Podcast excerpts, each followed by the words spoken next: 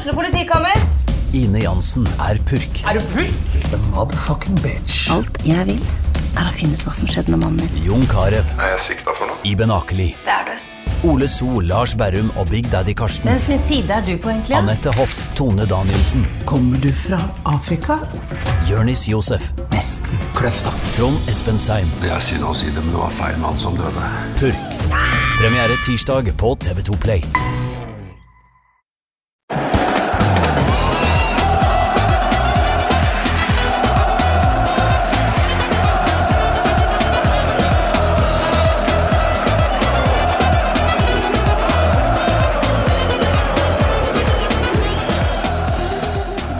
Hjertelig velkommen til en ny episode av eh, Pyro og Pivo. Mitt navn er Morten Gallaasen, og denne uka så har jeg med meg en eh, Det er vel jeg som coina phrasen som havna i eh, Twitter-bioen hans, tror jeg. En gave til norsk fotball. Daglig leder i Skeid, Daniel Strand, velkommen tilbake. Takk for det. Jeg liker faktisk den coinen der, fordi jeg har en tendens til å sende alt skrytet jeg får av andre til styrelederen Skeid og si at ikke mine ord, men det påstås at det er en gave til norsk fotball. Ja. Ja, ja, altså, Mulig jeg tok munnen for full, men jeg tror det var jeg som sa det. Ja, det tror jeg stemmer, faktisk. Mm. Og jeg står for det. Ja, eh, en stund seinere. Det har også vært en gave til eh, Norsk fotballkulturpodkast gjennom dine tidligere besøk eh, her. Um, Første gang du var her, så var det vel noe av det mest nølete vi har gjort noensinne. Da du dro med deg en haug med grafer og forskningsmateriell på tilskuertall, rett og Ja, slett. det, det var smal radio. Men eh, Det viste seg jo at det finnes et veldig entusiastisk eh, lite publikum for akkurat det veldig smale temaet vi hadde den gangen. der, for Den episoden blir stadig noen diskusjonstema når folk eh, ønsker å diskutere fotball og publikum. Oi, der ringer, Ja, for det- der ringer det telefonen din, Det, Det var min, altså. Den, ja. uh, skal bare gi beskjed her. Hallo, Johan, ringer opp igjen. Jeg får sitte på podkastinnspilling med Pyro og Pivo og røle om fotballen. Som vanlig. Så ringer Hei. Dette, dette her er jo sånne ting som en normal fotballpodkast eller podkast i det hele tatt, eller radioprogram eller hva som helst hadde klippet bort, og eller begynt på nytt igjen. Det trenger ikke vi, fordi um, du var egentlig litt på vei til å fortelle at uh, Pyro Pivo-lytterne, de, øh, de som finnes av dem, er ganske gærne. Sånn at uh, to timer om uh, grafer og sånn uh, om tilskuertall, det, det går rett hjem hos de folka her. Ja, det, det, men den responsen den gangen det tok meg på en måte over all forventning. Tenkte liksom, det her, er ok, Folk hører på i første ti minutter, og så lander de på at grafer om tilskuertall på podkast. Ja. Ja, da er det du seig jævel altså, når du fullfører den episoden der. Så eh, folk hørte på og lytta på. Jeg skal ikke si at det er veldig mange, men dem, dem som hørte og lytta på, var veldig engasjert. og Det var veldig artig. Det var de. Og um, altså, jeg veit ikke nøyaktig hvor mange som hørte på, men uh, ut fra responsen på sosiale medier, så var det nok uh, ikke en spesielt upopulær episode. Snarere tvert imot. Og så var du jo tilbake her en gang til. Uh, da skulle du egentlig ha med deg Trym Hogner, men det ble Meran fra Vålinga i stedet. Nei, det var første gangen. Var det første gangen? Vi skulle egentlig ha Trym på den episoden om publikumsutvikling i norsk fotball. Var det sånn det var, ja? Ja. Og da ble det bare oss to. Der var han no-show. Ja. Og han skulle egentlig vært med i dag også, men uh, han er igjen uh, no-show. Jeg tar det nesten eh, personlig der. Ja, det skjønner jeg jo godt. Og det litt pussige med det er at denne episoden er hans idé. Han Det eh, var hans idé den første gangen òg. Ja, så han, han Jeg veit ikke helt hva han driver med, slags mind games mot oss Det var deilig deilig å bare kaste opp en ball og så Mm. bare si det burde vi hatt en episode om. Ja. Og så bare dropper du den, og så lar du andre fullføre for det. Og det rette panelet for den episoden er du, jeg og Daniel Strand fra Skeid. Ok, ja, men vet du hva? Eh, når passer det for deg? Mm, da hører jeg mm, Daniel kan da.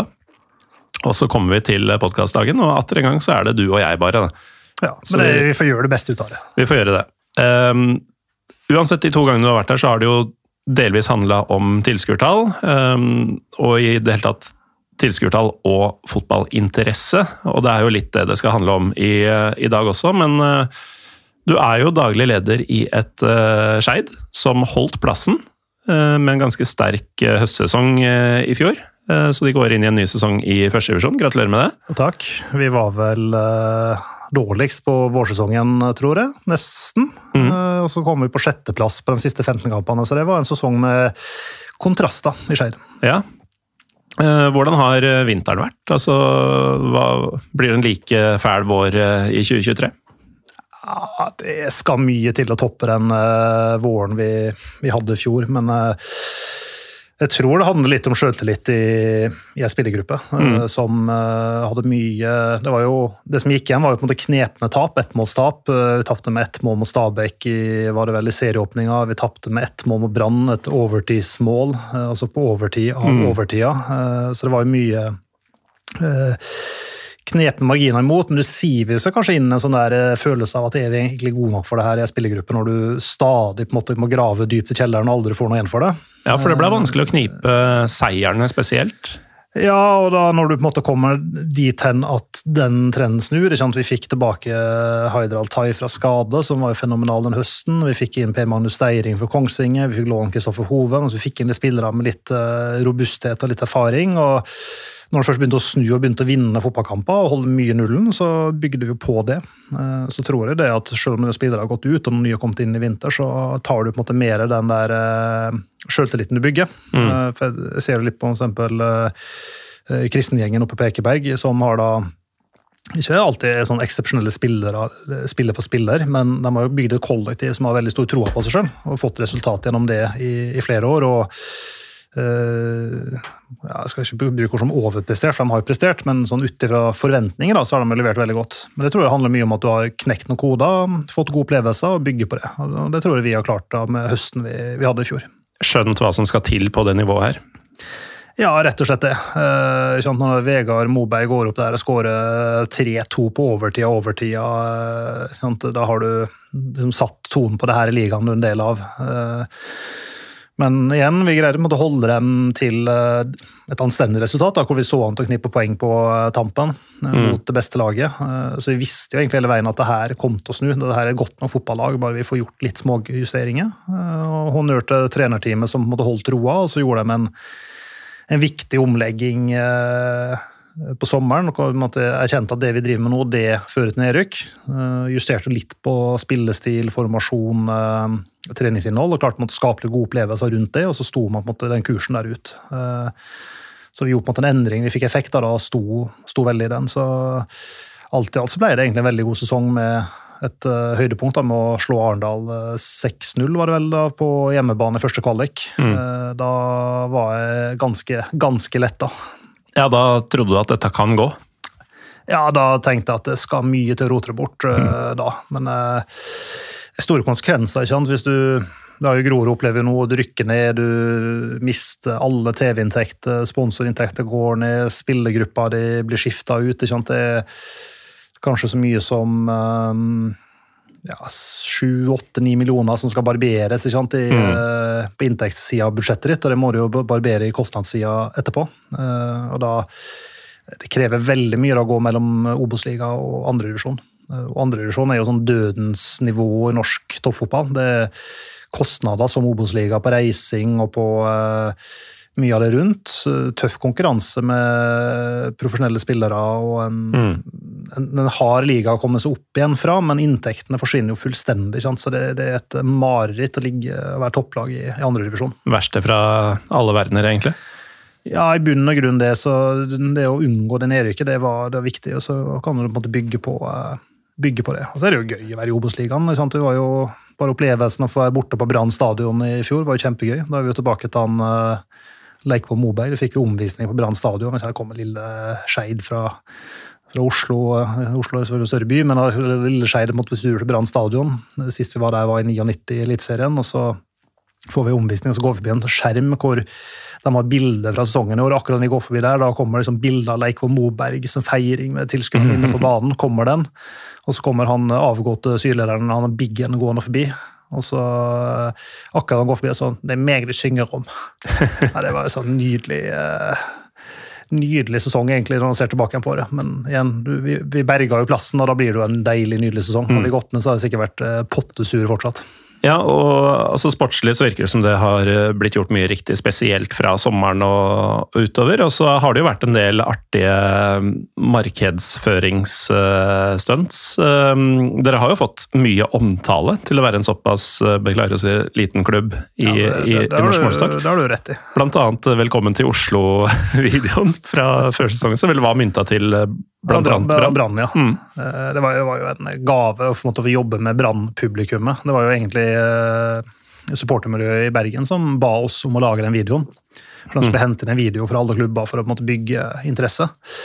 Og Da svarte vi jo på den og hadde det veldig artig. Men det, det, er, jo, det er jo en bevisst mediestrategi vi har i, i med at vi er en liten aktør i en stor by med veldig mange altså Vi har jo en større klubb borti uh, Ringveien der, og vi har mange klubber rundt vår størrelse i byen. og vi har på en måte ikke den der lokalavisa som sitter på hver trening og skriver om oss dag ut dag inn, som alle abonnerer på. Det var jo i LSK-hallen eh, på, på en befaring eh, siden vi skal spille cupkamp der. Eh? Da sitter det jo tre stykker fra Romerikes Blad og følger bare trening Ja. i LSK-hallen. Så du har den der kanalen, mens vi, vi må krige med nebb og klør da, for oppmerksomheten på en annen måte. Eh, og det er liksom, Skal du bryte lydmuren i i Oslo og på en måte bli eh, registrert, lagt merke til, så må vi bruke noen andre virkemidler da, enn den andre klubben. Altså, vi får ikke det gratis, den omtalen. Mm. så i sånn ut ifra antall tilskuere vi har, antall fans vi har og nedslagsfeltet vi har som naturlig, så får vi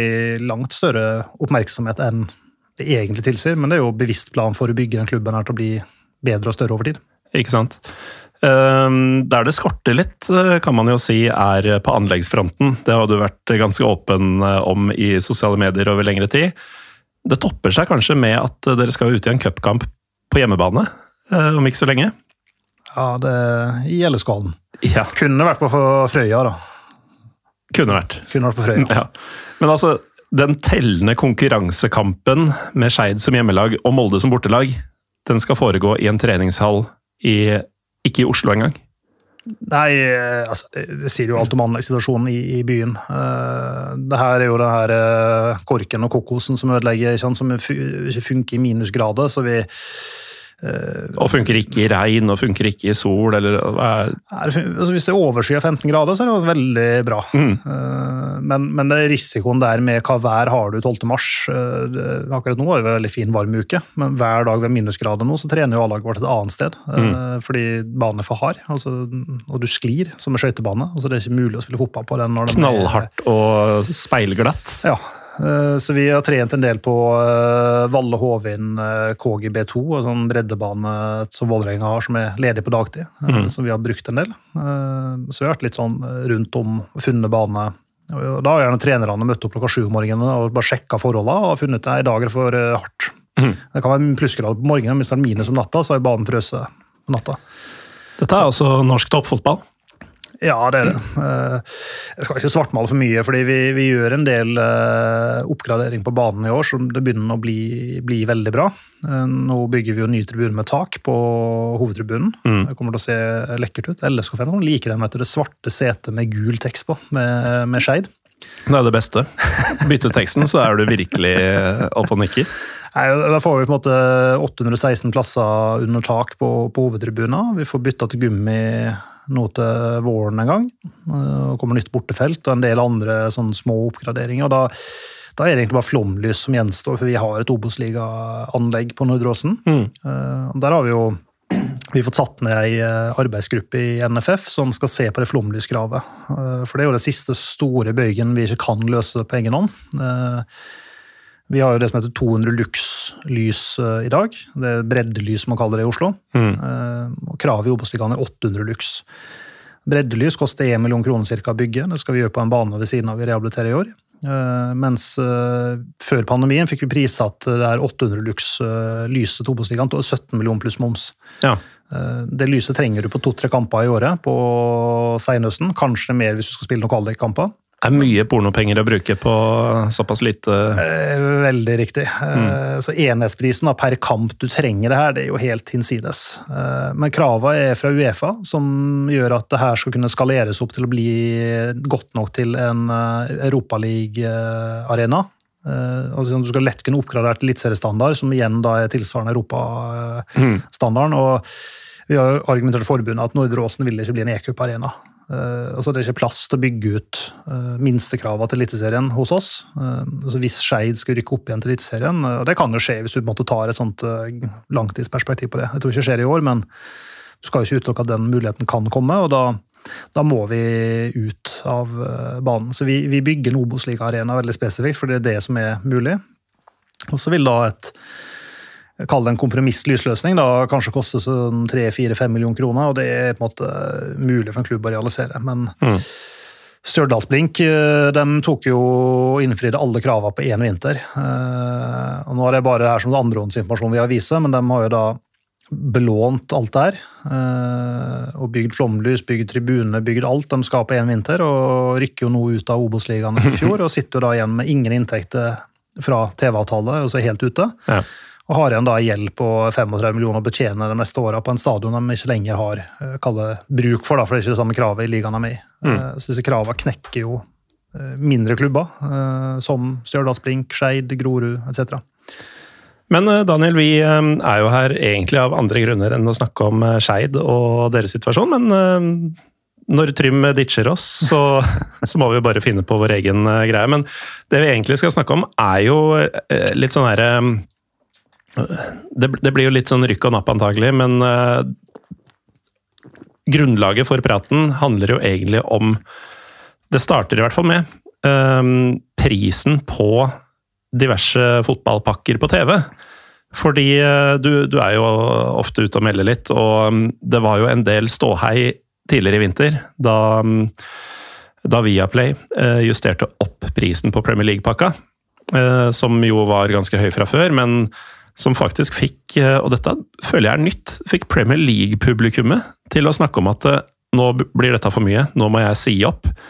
Eh, Fordi er det ett fotballpublikum i Norge som er sånn heroinavhengige, så er det jo norsk Premier League-publikum. Altså, de betaler. De har fått smaken på dette og betaler hva det skal være. Desperat. Men nå har pipen fått en litt annen lyd der. Jeg syns vi er inne på en veldig god trend. Det må bli koste enda mer for Premier League. Ja. Det, det er bare starten.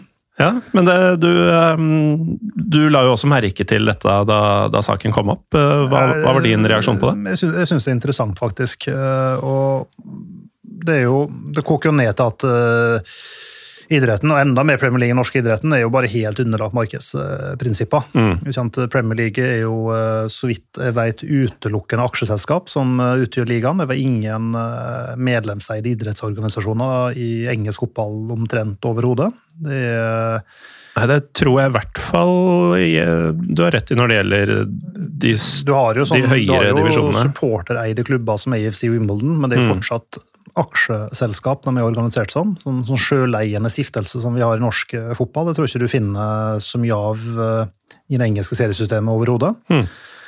Det kan jo ta, ta feil, og det finnes noen klubber eksempel på det, men i hvert fall oppe i eh, eliten av det, så er det stort sett aksjeselskap. Ja, ja. Eh, og De er jo under markedsprinsippene. ikke sant? De kan kjøpes, de kan selges. eh, de eier jo ligaen sin sjøl. De, de har jo brutt ut av det engelske fotballforbundet og har vel en sånn assosiasjonsavtale, hva man kaller det, men de eier jo ligaen sjøl. Ja, og sånn sett er det jo litt eh, humoristisk egentlig at det var fans av disse klubbene som virkelig gikk ut og sa at nei, denne superligaen, det skal vi virkelig ikke ha. Ja, nei, altså Premier League er Superligaen. Ja. Eh, Bare at eh, Middlesbrough og Southampton får lov til å være med i ny og ne. Ja. Ikke Real Madrid og Barcelona. Mm. Eh, Men det er jo veldig enkelt, det er markedsprinsippene som rår på det her. De selger TV-avtalen sin. Rettigheten er jo fryktelig attraktiv. Altså, det er veldig store penger å tjene på det her. Og dess mer prisen stiger til rettighetshaver, så vil jo det forplantes ut til forbrukeren. Altså, det er jo det helt banale, enkle markedsprinsippet. Ja, altså Foreløpig så er det jo ingenting å si på det. Jo mer i dette tilfellet Viaplay har betalt for pakka, jo mer må mannen i gata betaler for å få se på. Ja, så, så det her er jo på en måte bare forventa prisøkning, Mm. uh, som du på en måte bare måtte regne med ville komme. Det er nesten sånn TV 2 kynisk burde nesten sonke, endra prisen drastisk Mm. ned i siste året sitt, bare for å på en måte, få den differansen her enda mer fram. Men Viaplay tar konsekvensen av at de har betalt eh, dyrt for det her, og kanskje ikke fått den kundebasen de la til grunn til den prisen de opprinnelig gikk ut med, og øker jo nå prisen eh, med det vel da gått fra 650 til 750 kroner. Ja, jeg husker ikke helt om de økte med 50 eller 100 kroner, men det var ganske, altså prosentmessig ganske markant. Ja, men den er vel 750 i måneden eh, nå.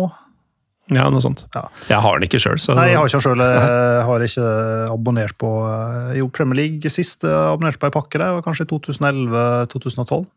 begynner å bli en stund siden. Ja, så jeg er ikke helt inne på det. Men jeg tipper Viaplay har jo noen smarte mennesker som jobber her, eh, som har regna på det vi snakka om i første episode, var priselastisitet. Mm. Eh, hvor etterspørsel endrer seg om prisen øker med én eller minsker med én enhet. Kan jo bare si, eh, siden vi har referert til eh, dette tidligere, eh, denne tilskuertallepisoden med grafer og sånn, det er episode 201 for de som ønsker å høre den en gang til, eller som ble nysgjerrig på dette grafpratet vårt. Ja, så, så jeg regna litt grann og laga en, en tabell i dag, da, ikke en graf. For det er jo veldig god radio å snakke om tabeller. Ja, Visuelle hjelpemidler på radio. Ja, så hvis du ser for deg en firkanta boks som består av ulike kolonner så eh, har jeg bare leika her, så jeg vet jo ikke hvor mange kunder Viaplay har. Altså det her er jo på en måte tall som strømmeselskapet holder helt for seg selv, og så Ja. får ikke vite hvor mange kunder de har. Uh, og gjerne også seertallene på strømming får du ikke vite noen ting om. Det er jo på en måte dypt bevarte forretningshemmeligheter. Ja, og det er også litt sånn morsomt, fordi um, vi vokste jo opp i en tid hvor en gang i uka så sto jo sånn TV-ratings på Det var jo en egen side i VG med hvor mange hadde sett på det og det og det og det. Og det var basert på at eh, et par tusen nordmenn hadde en sånn boks festa til TV-en. Så skulle det liksom være et representativt utvalg av nordmenn. Men etter hvert som ting har gått over til streaming, så har man jo faktisk håndfaste tall på hvor mange som ser egentlig absolutt alt, har jeg inntrykk av. Ja, ja. Um, men det, det er hysjers. Ja, det ønsker jeg meg ikke å dele.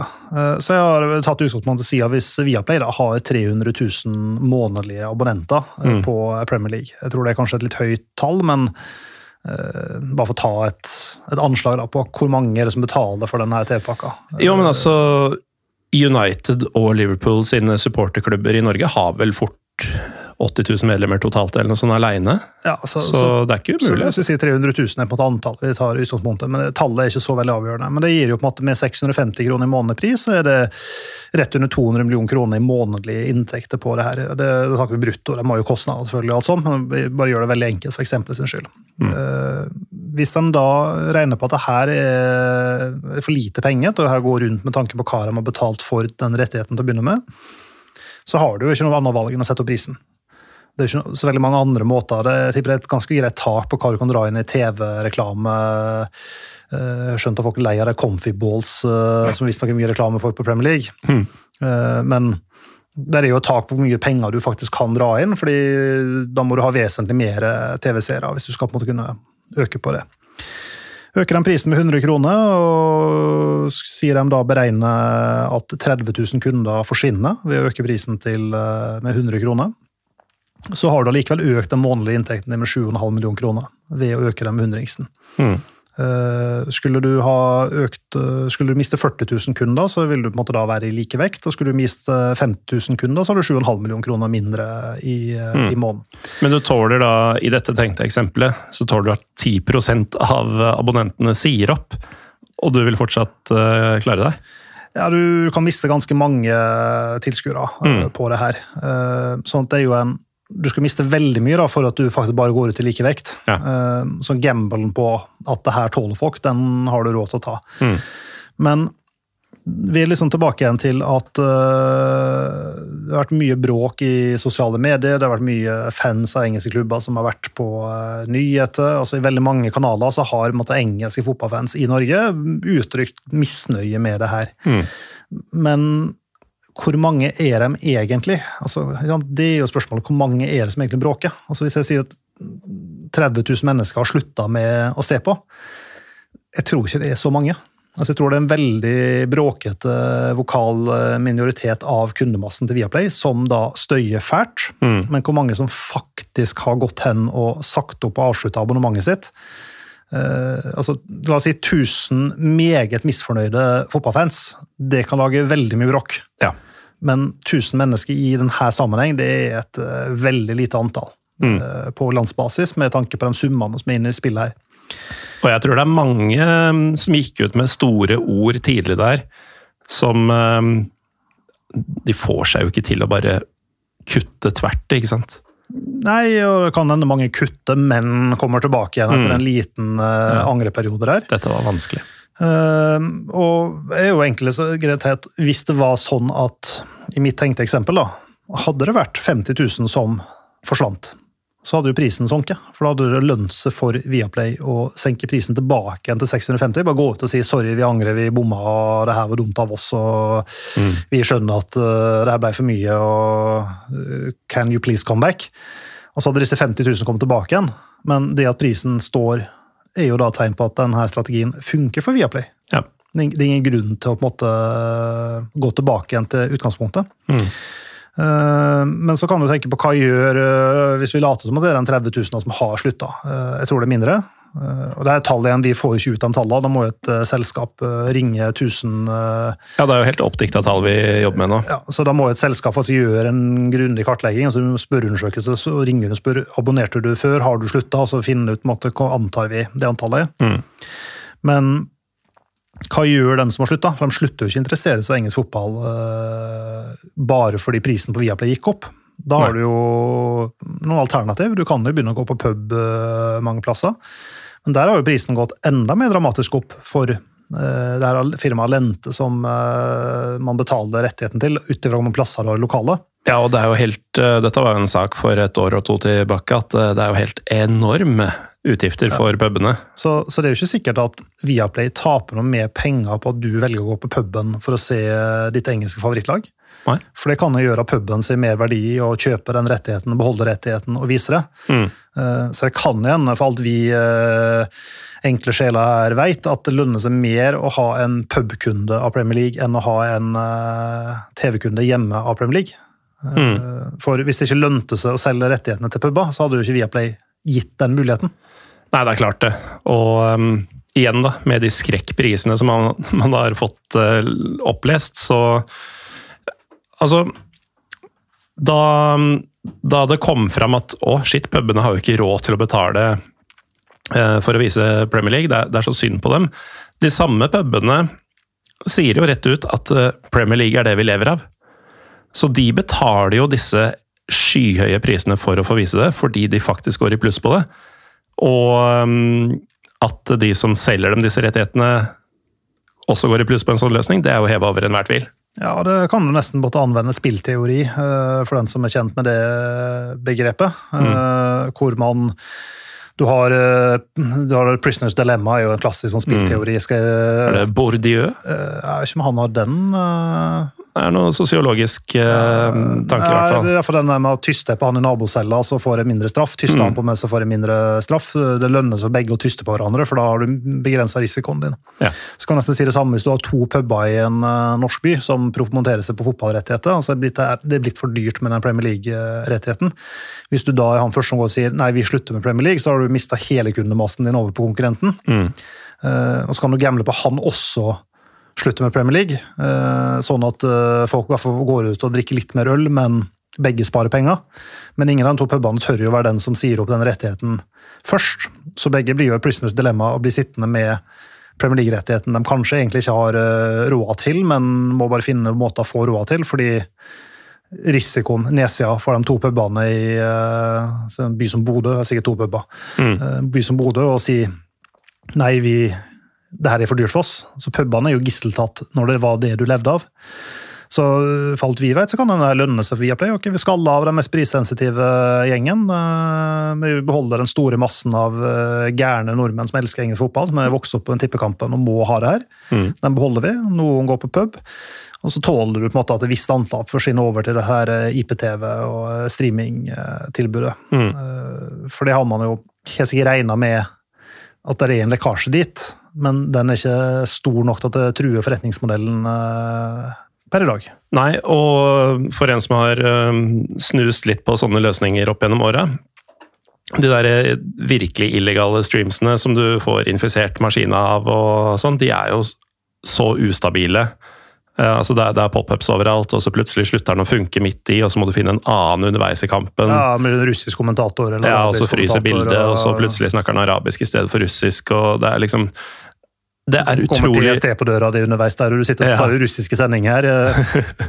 Ja, Det er utrolig lite forlokkende. Og det med IPTV, det, det virker jo mye mer interessant eh, sånn sett. eh, Men det er også det er så mye greier du må ordne, har jeg skjønt. Ja, da, da blir det på en måte en friksjon. En stor mm. friksjon. på en måte En fikse Det, det, det behaget med å bare skru på smart-TV-en din og gå inn på Viaplay-appen og, Mm. trykke play. altså Det er veldig lite friksjon for de fleste av oss. da. Nettopp.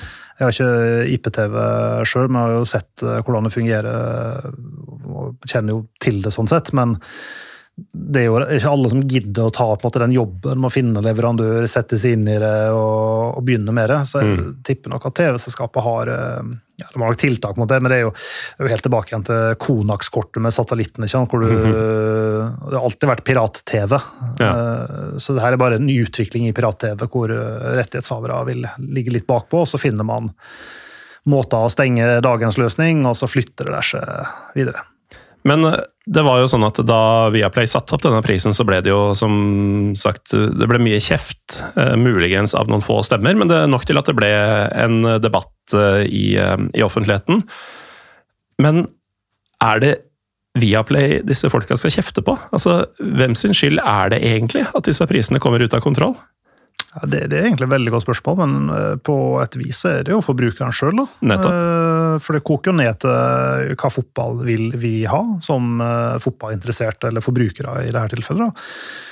Og Så lenge du aksepterer premisset og kjøper den TV-pakka og en del av denne spiralen av sirkuset, så aksepterer man jo at det her er helt eh, greit. fordi ligaen har jo ikke insentiv om å bli billigere.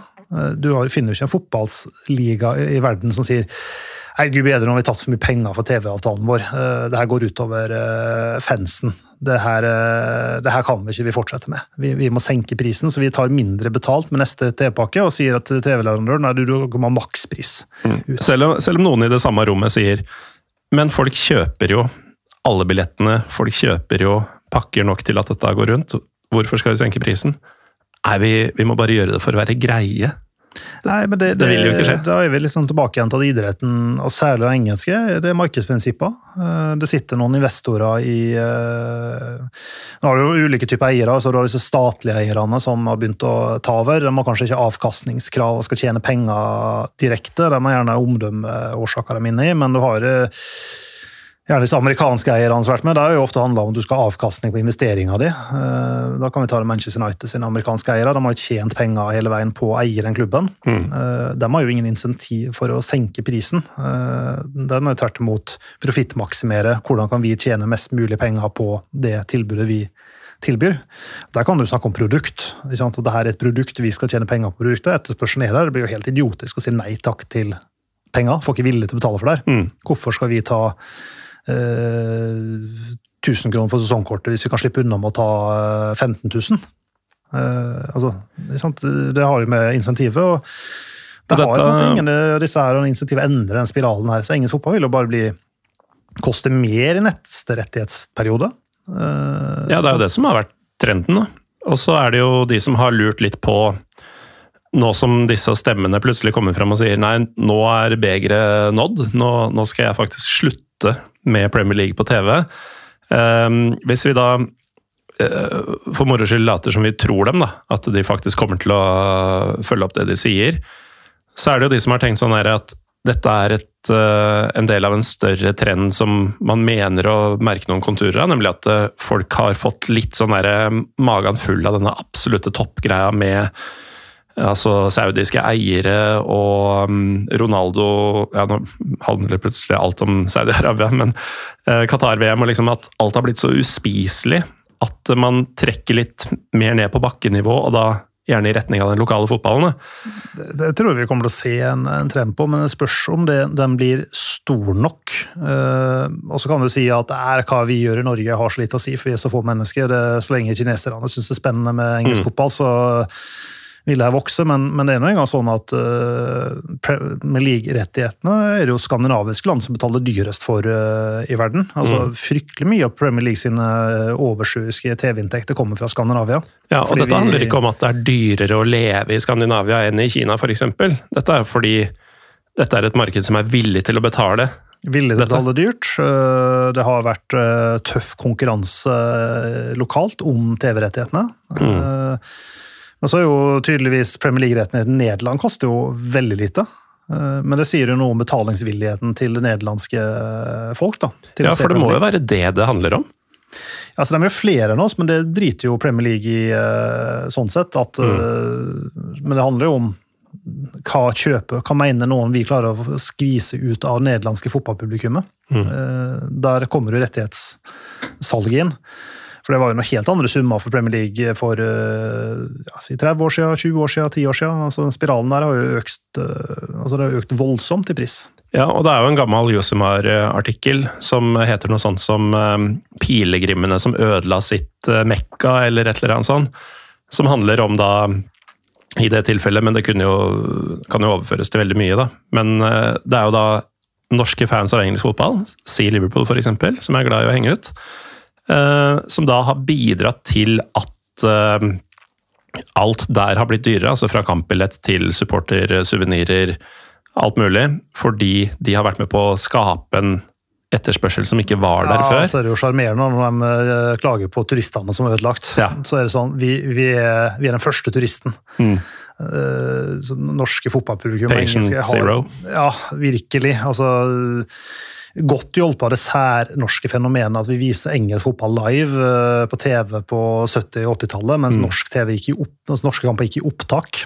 Eh, og du kunne få eh, Dagsrevyen kunne du få liksom en destillert liten klipp av norske fotballkamper. Tror lite av klype salt her på årstallet, men jeg tror for den første norske fotballandskampen med A-landslaget vårt gikk direkte, det var på 90-tallet.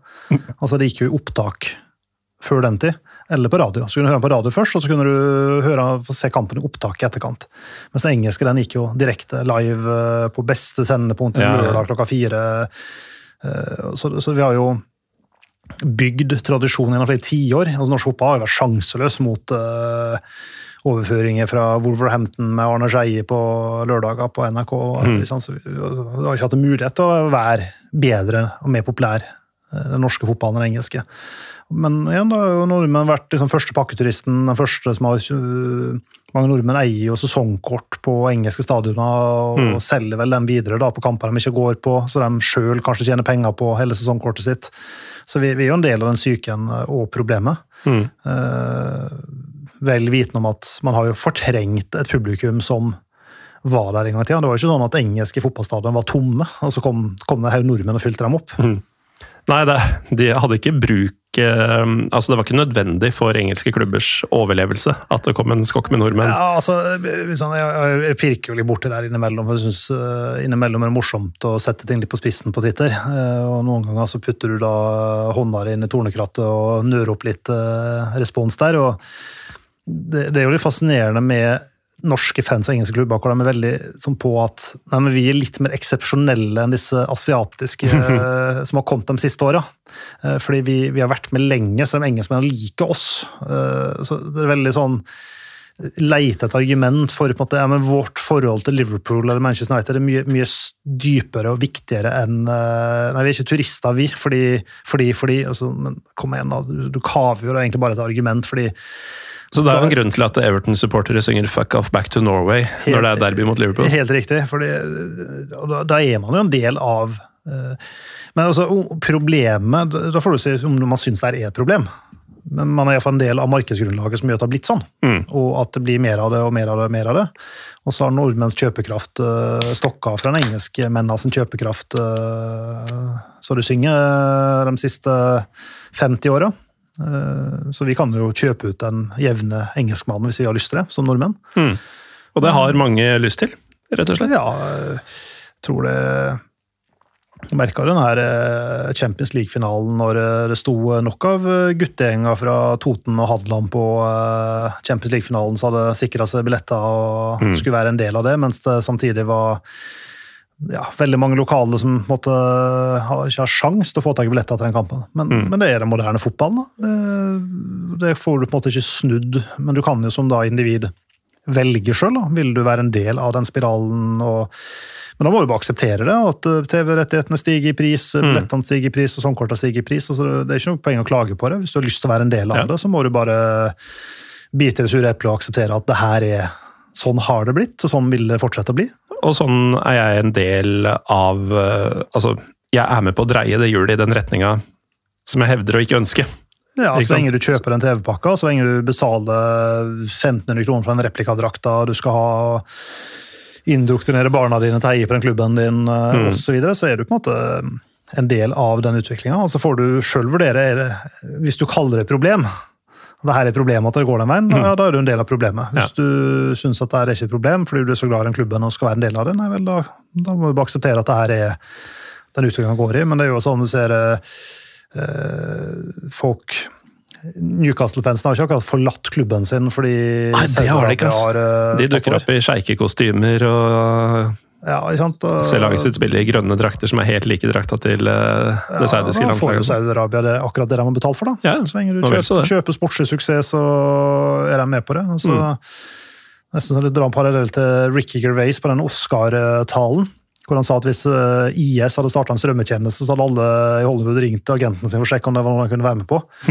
Det samme er jo hvis uh, islamske stat hadde kjøpt Manchester United men begynt å vinne seriegull, så hadde fansen vært jævla fornøyd. Ja.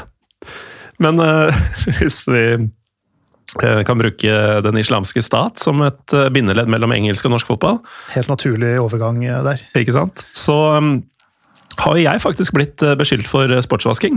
Har du? Riktignok av én Twitter-bruker. Fordi Ops, en halslyd snek seg inn. Jeg hadde jo eh, Det var vel før jul en gang. Så hadde jeg Eirik Nesset Gjelvik fra TV 2 her. Og en annen, for å snakke litt om hvordan uh, satsinga på norsk fotball blir neste år. Og um, Den episoden hørte jeg på flyet på vei hjem til jul, faktisk. Ikke sant? Så du veit at den eksisterer. Ja. Um, da var det jo mye snakk om at eh, eh, fra Eirik sin side vi i TV 2 ønsker å gjøre sånn og sånn og sånn. Ehm, det forutsetter dette og dette og dette fra klubbene osv. Um, men det handla jo da om at de ønsker å gi eh, oss det og nå kommer det til å gå kaldt nedover ryggen min, det beste produktet uh, mulig. Og så, uh, i kjølvannet av den episoden, veldig kort tid etterpå Jeg sier ikke at det var en bevisst strategi fra TV 2, det var bare sånn det blei, men litt etterpå så kom TV 2 ut med 'dette blir prisen for pakka du må ha for å få norsk fotball'. Og den var jo også høyere enn folk ville ha det til, og da var det en på Twitter som sa at jeg hadde vært veldig rask med å sportsvaske TV 2. Så sånn sett så var ikke det med islamsk stat sånn en så, um, så dårlig overgang som det kunne virke som. Men TV 2 har jo da vært ute og sagt at uh, du trenger en pakke med masse ting som folk ikke nødvendigvis ønsker, for å få uh, det du ønsker av norsk fotball neste år, og den kommer til å koste så og så mye. Ja. Det er litt det samme prinsippet som, som der, der, der henger folk seg opp i at du må ha eh, alt tilbudet til TV 2, fordi fotballen er på en måte putta inn i den største pakken. Mm. Ja. Og at du ikke kan isolert sett abonnere på fotball. Du kan ikke cherrypicke hva du skal få fra TV 2. Jeg, jeg tror TV 2 var lur hvis eh, de mener 400 kroner er den eh, prisen du må ta for den største pakka med fotballen i. Så kunne det vært lurt å tilby bare fotballen for 370 kroner. Mm. Eh, og så har du indirekte sagt at eh, resten er bare verdt 30, selv om det kanskje koster 129 å kjøpe den eh, en eller annen sum rundt der da, Ja. Men eh, det der er jo litt tilbake igjen til når du hadde den Hva er motivet til TV å kjøpe TV-rettigheten? For i Norge så har vi ikke disse her gærne fansen som ville betale 750 kroner i måneden for det her. Mm. Vi har litt annet publikum, skal du må nå massen og volumet som vil være med på det. Eh, nå er jeg ikke en mediemann, da, sånt, eh, det er jo ikke mitt fagområde, men jeg tror jo i, i utgangspunktet med den gamle lineær-TV, når TV 2 kjøpte norsk fotball eh, for en milliard kroner i den eh, gullalderen vi kalte det når vi var her Mm. sist, så handla jo ikke bare alt om å tjene penger på selve fotballen, fordi det var jo bare x antall timeslots i uka. Og det var kanskje ikke mulig å regne hjem den gangen den investeringa. Men det handler jo mye om å lage seervane. Eh, Mye handler jo da om å holde igjen folk eh, på kanalen din. Ikke sant? Mm. At du viste en kamp på TV2 Sebra, som det het den gangen, på eh, kanalen finnes ikke lenger. Uh, nei, jeg veit ikke. Jeg tror den er borte. Mm. Det var en kuriositet, så var det en kanal som var eid av TV2 og Telenor. Så den fikk du kun på Kanal Digital, ikke på Viasat. Ja, stemmer Det var, det. var måter de vrei publikum. Og Det var på en måte mye motivet å kjøpe og sikre norsk fotball, for å da vri folk til å kjøpe den TV-pakka liksom, fra den leverandøren du hadde mest penger å få. Da var det sikkert mer lønnsomt for TV 2, vil jeg tro. At folk eh, fikk TV 2 via Kanal Digital enn via, eh, via Satt den gangen. Der har jo markedet nå endra seg med at nå kan du kjøpe produktet direkte med eh, rettighetshaveren gjennom en TV 2 Play-løsning, mens du før måtte ha en TV-pakke av et eller annet slag. Men der var det kunne si at vel så viktig var det at folk så eh, hovedkampen uh, klokka åtte på uh, søndager for at du skulle holde dem på kanalen din. Eller på mandag at du skulle få dem inn til å se kampen klokka sju på mm. din kanal, og så måtte du holde på dem med matchball mandag, som da gikk klokka ni, for at du skulle holde dem på, på ditt, for å få til å se mest mulig reklamepause. Ja, og jeg kommer jo fra supportermiljøene, eh, og husker jo hvor forhatt den mandagskampen var. Eh, Det var jo ikke en gruppe i hele Norge som ikke aksjonerte mot mandagskamper, fordi det var jo det er jo supporterfiendtlig. Er Vanskelig å reise hvis man er bortefan. Kan være vanskelig å nå det etter jobb hvis man er hjemmefan. Men uh, mantraet fra TV 2 var alltid dette har skyhøye seertall. Dette er elsker det på TV. Folk elsker mandagskamp på TV. Ja. Uh, og så er TV-selskap sånn at men faen, når vi putter alle disse kampene over klokka seks på søndager, så sprer jo ikke vi det produktet vårt. Veldig enkel logikk fra et TV-selskap er at vi må jo vi må jo maksimere Hadde TV-selskapet kunnet bestemme helt sjøl, så har vi hatt én kamp mandag, tirsdag, onsdag. Ikke sant? Og det er jo tapetsert uka. Men det er liksom, hva, er motivet da, til å kjøpe eh, rettigheten, hvis du ser fra TV-selskapets side? Så jeg også har jo registrert måte, at eh, folk mener prisen på 400 kroner er, er for høy. Uh, igjen, da er vi tilbake til Premier League. Hvor mange støyer, hvor mange kjøper? Det får ikke vi helt uh, svar på. Men det vi veit, er jo at eh, prisen er veldig mye høyere enn den var hos Discovery. Ja, og det, det, det tror jeg kan være et eh, gode for norsk fotball. Jeg syns du henger litt med meg nå, her, er jo at eh, noe av det samme som gjelder på en måte engelskfotballen, gjelder jo også den eh, norske. Eh, Jeg tror jeg sa, dro denne regla en gang jeg var før, om det var sist eller første gang. Hvis du drar på en måte og spiller fotball ned til det helt basale, så er det én ting du trenger for å spille fotball, og det er en ball. Altså Du trenger virkelig ingenting mer enn en ball for å spille fotball. Det er jo på en måte den Kall det Jeg tror vel det er forska på. Det er mye av grunnen til den der utbredelsen av fotball på verdensbasis. At du, du trenger en ball. Det er enkelt spill. Det er fryktelig enkle regler. Det er veldig lite komplisert. Du trenger en ball, og så må du improvisere fram noe som kan være noe mål, og så må du bestemme deg for en eller annen avgrensning og stilleflata. Da har du fotball. Eh, Det er jo i utgangspunktet fullstendig uinteressant å se på noen spille fotball. Eh, Altså Premisset med å sitte og se på noen drive med det her, er jo veldig, veldig kjedelig. Altså Hvis du går forbi bare noen som driver og spiller fotball, Muslund hos oss i Skei, der er det mye uorganisert idrett. eh, Voksengjenger i helgene som spiller fotball. eh, Kledd i alle regnbuens farger, spiller mot hverandre. Fullstendig uinteressant å stoppe opp og se på Ja, det er jo ingen som gjør det. er det Kanskje. Marius Helgå. Ja, han, han ser du faktisk på sidelinja med kameraet sitt eh, på en sånn der kamp eh, og dekker den. Men det, det, her er jo helt uinteressant. Det er ikke noe moro å, bare se på fotball. Eh, Da er du spesielt interessert. Det er for sære folk å, å se fotball. Det er mitt eh, premiss. Kona mi skjønner jo ikke hva en ball er for noe, og lurer stadig på hva farger det er på gresset vi bruker. Eh, Hun er egentlig den smarte av oss, som har skjønt at det her, det her er bare et enormt tidssluk å holde oss unna. Men skal vi gjøre det her interessant, da, at du har lyst til å faktisk være en del og se på det her, så må vi gjøre det severdig. Eh, Og vi trenger ingredienser innen den miksen her da, for å på en måte gjøre spillet fotball eh, til å leve med. Altså det er jo han skal få lov til å være anonym, men jeg diskuterte det med en klubbkollega. Han kaller jo det her vi driver med, at det er jo bæsj pakka inn i gullpapir. Vi bare passe på at ingen skjønner at det vi driver med, er gørr kjedelig. Klubbkollega som er kollega i klubben, eller en som har en- tilsvarende jobb i en annen klubb? Tilsvarende i en annen klubb. Han skal få være anonym. Men jeg kan liste opp ingredienser for å gjøre det på en måte interessant. Da. Det er jo staffasje, men vi trenger jo klubber. Igjen, altså Ved at du har uniformering av navn, da har du gjort mye. Mm. Altså Den gjengen på Muslund som driver bare og spiller fram og tilbake, hvis du da tar på dem hver sin farge, og kaller dem for et navn, så har du med en gang skapt en viss interesse bare der, med at du skjønner hvem er aktørene i det her. Eh, nesten som fra wrestlingen, som uh, en såpeopera med skurker og helter. Ja, du kan narrativ. tilknytte en identitet og bakgrunnshistorie. Og, Ja. Og det har vi med klubben har navn. Og så kommer vi til at vi må ha en historie. Altså en fortelling bak den enkelte klubb. At uh, Skeid er den klubben der, har den historien der. Alt vi gjør i dag, bygger jo på en måte opp den uh, fortellinga Skeid er i framtida. Det går jo på en måte for alle klubber i, uh, i verden.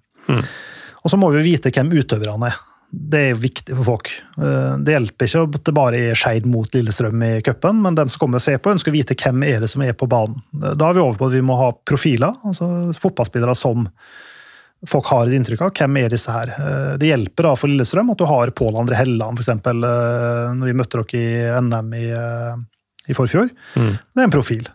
Eh, Så kan du LSK bedre med, så du vet med mer hvem som resonnerer med LSK-fansen, men det er noen måte, spillere som er, er verdt å komme og se på. ja. Eh, Noen er ikke verdt å komme og se på, men noen er Mm. profiler på det laget der.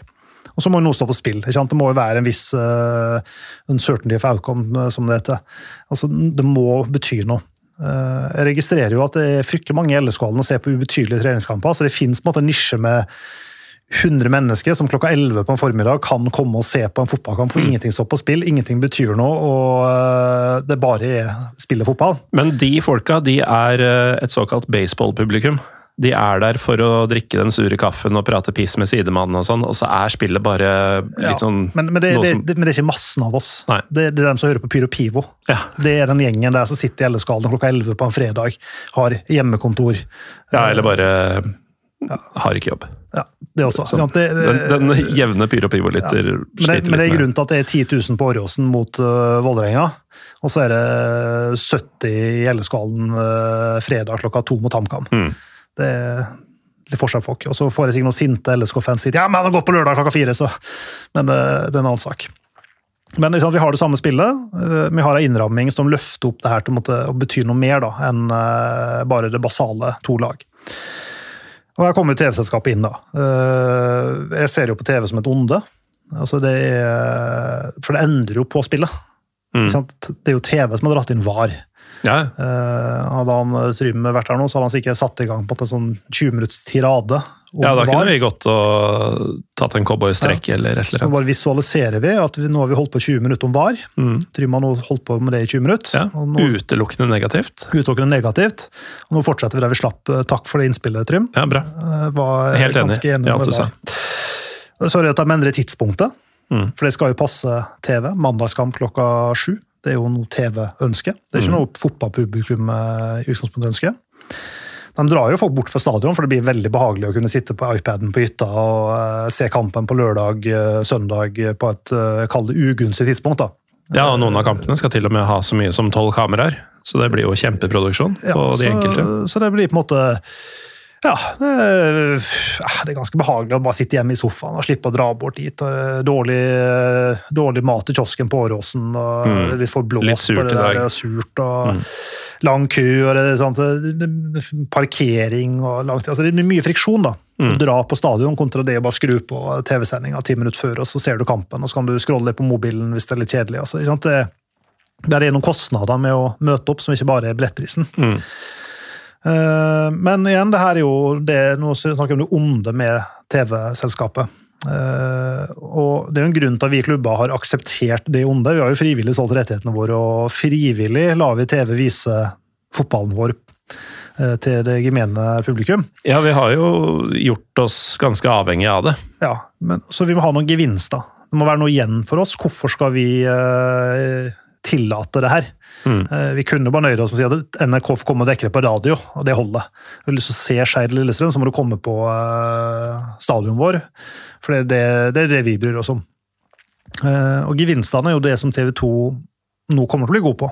Uh, på et helt annet nivå enn eh, det Discovery hadde muligheten til å kunne. Eh, og det er de tingene som daglig nyhetssending. ikke sant? Nå er jo TV 2 i gang med oppdateringer fra Spania. med eh, profilerte innholdsleverandører, for å kalle det det. Mm. De har jo stort sett med seg gullrekka si fra Premier League-åra. Altså det er jo noen av de største mediepersonene vi har i fotballsegmentet, som nå skal dekke norsk fotball. Ja, for det husker man jo fra da TV 2 hadde både Premier League og norsk fotball for en del år tilbake, før Discovery tok over det norske. Så var det jo sånn at eh, stjernerekka dekka den engelske fotballen, og så var det litt sånn Det var Harald Bredli og Drillo på TV2 Sebra, eh, Ja. det var norsk fotball. Og så Ja. var det Alsaker og gjengen der på engelsk fotball. Nettopp. Og den gjengen har jo nå Nå, nå er det norsk fotball som er gullet deres. I hvert fall eh, i helgene, da. Så har de jo Premier, nei, eller Champions League også. Ja, så, så, så det, det Men det krasjer ikke. Det, det har litt å si, altså. Mm. Uh, ikke et vondt ord om Harald Bredli og Drillo, eh, sikkert flotte mennesker, men det er ikke den samme trøkket rundt det som disse profilene de nå drar inn i, i første rekka. Og Nei, det- og det er jo signalet man sender til seerne. ikke sant? Dette er dritviktig for oss, er det som kommer til å komme nå. Det var det ikke den gang. Ja, og du har disse her eh, lunsjsendingene på Marbella nå, og den oppbygginga av eh, fotballen som er i gang, og TV 2s prosjekt om tidenes eh, seriestart. Nå har de jo lagt mange av de beste oppgjørene tidlig på året for å få, en få en pangstart. Mm. Eh, merker jo nå det er jo mye tettere redaksjonell oppfølging av norsk fotball. Gullalderen så var jo TV 2 på eh, trening med kamerateam hver dag, og det var på en måte en veldig tett oppfølging. Der kan jo på en måte profilbygginga komme. Eh, For det skaper jo mer profiler at du får disse sendingene. Eh, Det fører jo til økt interesse. Eh, Og da er vi jo litt over på hvorfor akseptere på en måte det onde TV bringer med seg. Og det er jo litt for min del, da, så handler det om å skape attraktive ligaer og konkurransekraften i norsk fotball, for det koster penger. Ja. Vi vi må egentlig ha så stor økonomi i norsk toppfotball at vi beholder spillerne våre lengst mulig. Eh, Vi kan ikke drive og selge spillere til liga som er på vår størrelse. Altså, Når Viking selger spillere til Brøndby, eh, så er det egentlig jævla negativt for norsk fotball. Fordi hvis vi blir tappa for talentene våre til dansk fotball, som i utgangspunktet ikke skal ha noen forutsetninger til å være noe særlig større enn oss, så er det veldig dårlig. fordi en liga med færre gode spillere er jo naturlig nok mindre interessant enn en liga med gode. Eh, Så hadde vi valgt å si nei til TV, så hadde vi vært måte, sånn islandsk-færøysk hvor alle stakk av med en gang de kunne, og ligaen, hjemlig serie, har vært fullstendig uinteressant. Mm. Så vi har jo på en måte jobb å gjøre med at sportslige produktet vi leverer, eh, da ser jeg vel så mye til Eliteserien som Dobos-ligaen, der jeg holder til, må være best mulig fotball. Hvis flest mulig skal være interessert, utover disse her eh, 70-80 i LSK-hallen.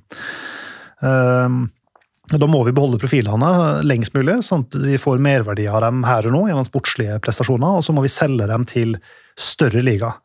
Altså Vi kan ikke selge spillere til lag nummer ti i Nederland for eh, 7-8 millioner kroner og tenke at eh, det her var et godt salg. Vi må selge dem for 70-80-90-100 millioner til de aller største. For det regenererer jo penger i norsk fotball.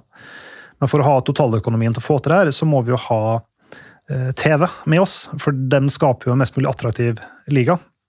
Fordi selv om veldig mange ikke er på stadion, så har det en stor verdi at de følger med, ser på Mm. øh, og legger igjen eh, penger i norsk øh, fotball. Snakker om norsk fotball. Snakker om norsk fotball. Og øh, vi vil jo ha tak i de pengene som klubber. Uh, og uten at TV-selskapet tar betalt, og har da penger til å betale oss tidenes TV-avtale, som vi nå er veldig glad for, det merker jeg på bunnlinja i min klubb, at vi får mer penger nå, så betyr det mye for klubbutviklinga for å skape en attraktiv toppfotball. Men da må jo TV-produktet koste. Fordi hvis eh, TV 2 skulle betalt det samme som Discovery gjorde, så hadde jo TV-avtalen nødvendigvis ikke økt så veldig mye.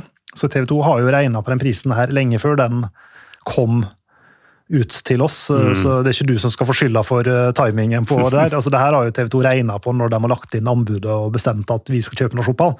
Det her må koste det her i måneden. Vi må ha det her antallet TV-seere eller betalende abonnenter i måneden. Uh, vi må ha det her i inntekt ved Kanal Digital, Uh, eller finnes den fortsatt? Men det, disse kabel-TV-leverandørene Ja, hva det nå heter, alle sammen. Jeg har Altibox påtvunget gjennom sameie, men bruker aldri. Ikke sant? Men det vil også pengene vært mindre, så ville jo også ressursbruken til TV 2 rundt vært vesentlig mindre. Det argumentet har jo da Viaplay brukt. Man har sagt at det koster med eksperter i studio, og det koster med liksom alt det rundt. Mm. Eh, Der sier jo Premier League-fansen at de ble forbanna da Henriette Stenstrup sto på Liverpool og promoterte sitt TV-program. Er det dette vi betaler 100 kroner ekstra for? Ja, det kan jeg skjønne. Det, der snakker vi dårlig timing PR-messig. PR-messig. Men, Ja.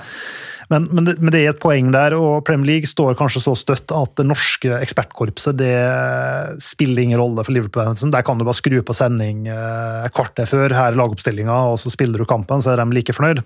Men vi trenger den oppbygginga i norsk fotball, og det, det har jo en pris. Eh, og så må TV 2 da finne den sweet spoten da, som gir mest penger til, med flest mulig som betaler. Om den er 400 kroner eller 300 kroner, eller hva den er, det har ikke jeg noen forutsetning mener noe om hva burde prisen være. Mm. Uh, men man må på en måte akseptere litt da, som norske fotballfans at når vi krever best mulig fotball, uh, best mulig spillere, og eh, LSK-fansen blir sinna de selger Igo Ogbu for laget blir svekka. Selv om den dyreste midtstopperen for norsk fotball noensinne, så er de jo rasende. så er jo evnen til å beholde han lengst mulig å skaffe ny, betinger jo på inntektene til klubben. Mm. Eh, så Sjøl om en supporter og en vanlig TV-seer aldri vil sitte og tenke det, ja, ja, men pengene går nå heldigvis en god sak når du registrerer det, så, så, er det sånn det henger sammen.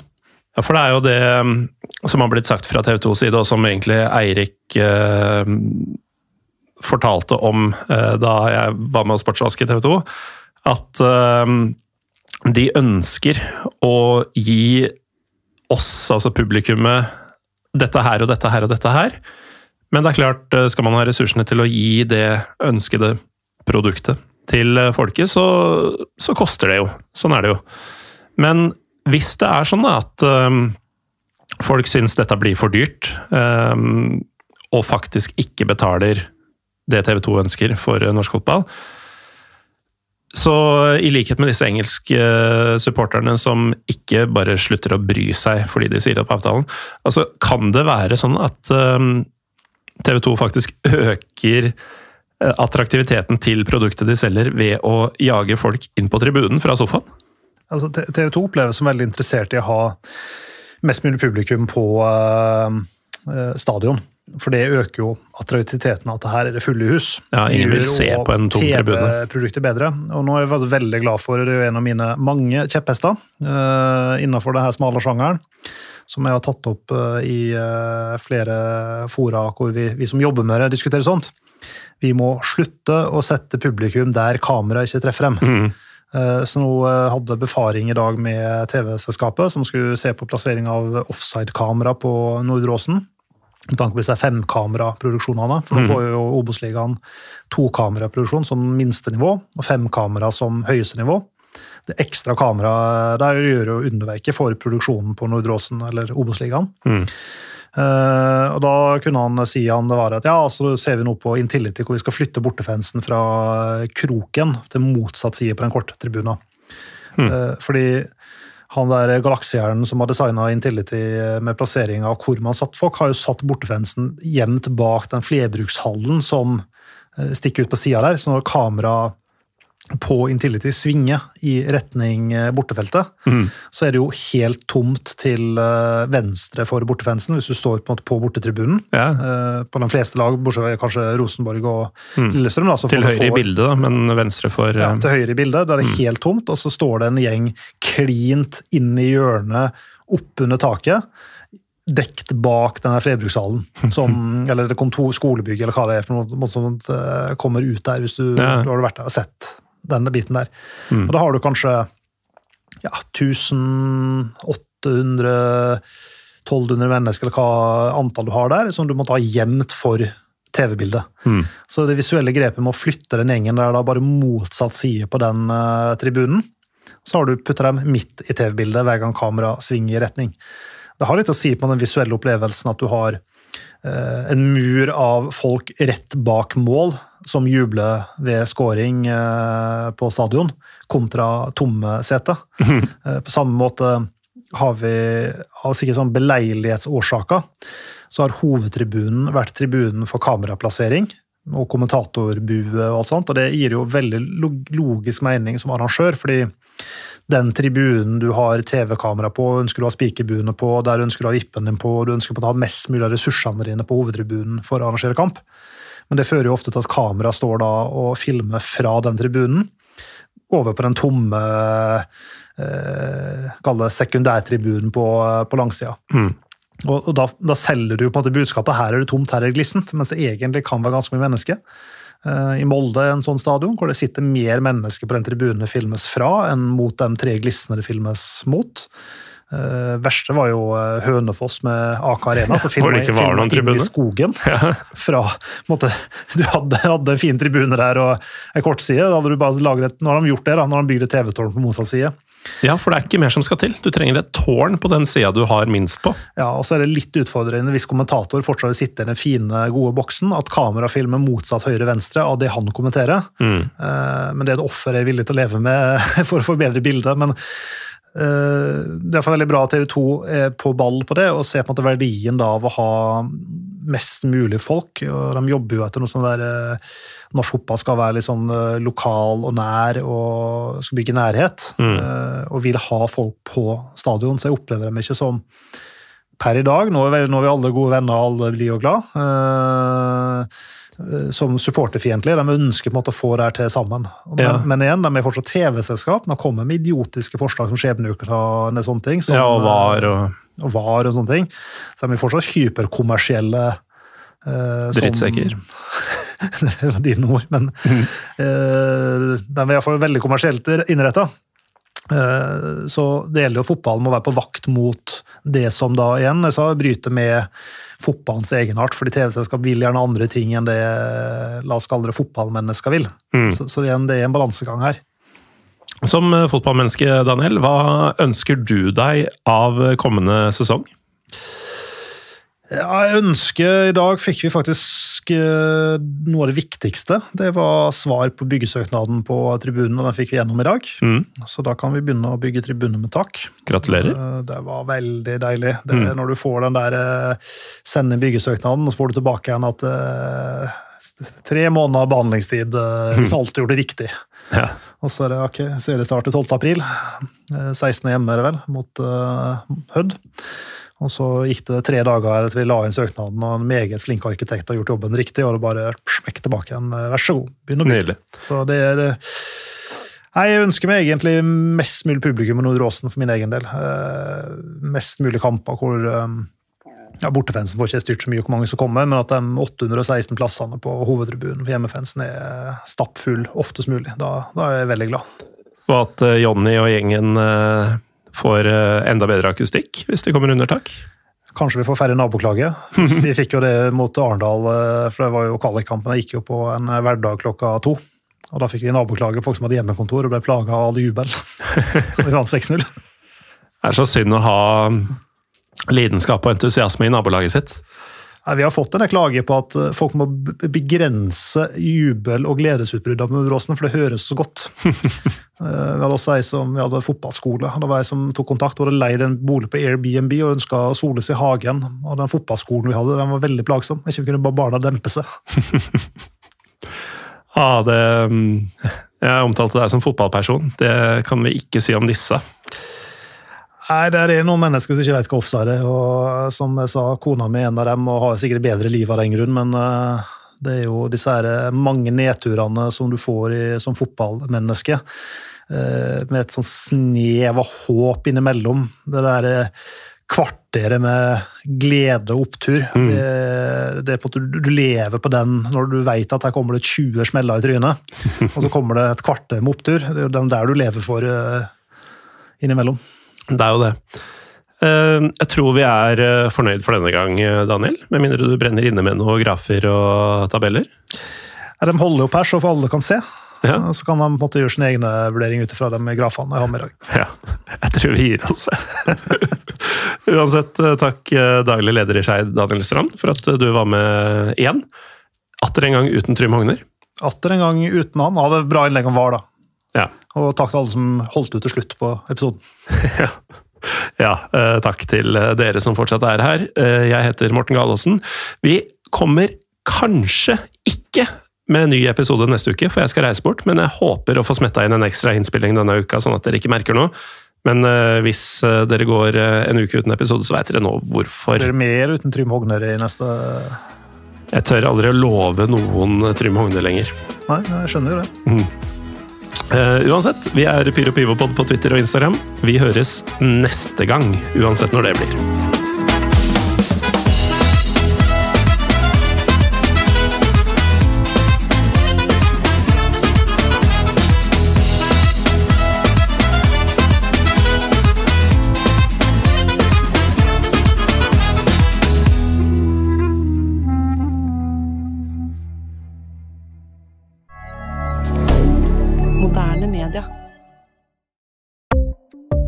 Ukens annonsør er HelloFresh. HelloFresh er verdens ledende matkasseleverandør og kan være redningen i en travel hverdag. Mange av oss har nok vandret i butikken både sultne og uten en plan for middagen, som ender med at vi går for de samme kjedelige rettene gang på gang. Middag burde være dagens høydepunkt. Som HelloFresh kan du nå velge mellom 25 ulike retter hver eneste uke, eller få HelloFresh til å sette sammen menyen for deg. Dette gir deg muligheten til å prøve nye og spennende retter alene eller sammen med familien. Du velger antall porsjoner og får alt levert på døren på et tidspunkt som passer for deg. Oppskriftene er enkle, og maten er lett å lage både for store og for små. Ved å få alt levert hjem får du også mer tid til å dele matgleden med familie og venner. Kanskje det frister med asiatiske tacos eller greskinspirert kylling? Da kan jeg anbefale deg om å gå inn på hellofresh.no. Her kan du bruke koden FOTBALL og få opptil 1779 kroner i rabatt på de første fem matkastene hvis du ikke har prøvd HelloFresh tidligere. Du kan også bruke rabatten hvis du har vært kunde og stoppet abonnementet ditt for tolv måneder siden eller lengre. Gå inn på hellofresh.no og bruk koden FOTBALL. Har du et enkeltpersonforetak eller en liten bedrift? Da er du sikkert lei av å høre meg snakke om hvor enkelt det er med kvitteringer og bilag i fiken, så vi eh, gir oss her, vi. Fordi vi liker enkelt. Fiken superenkelt regnskap.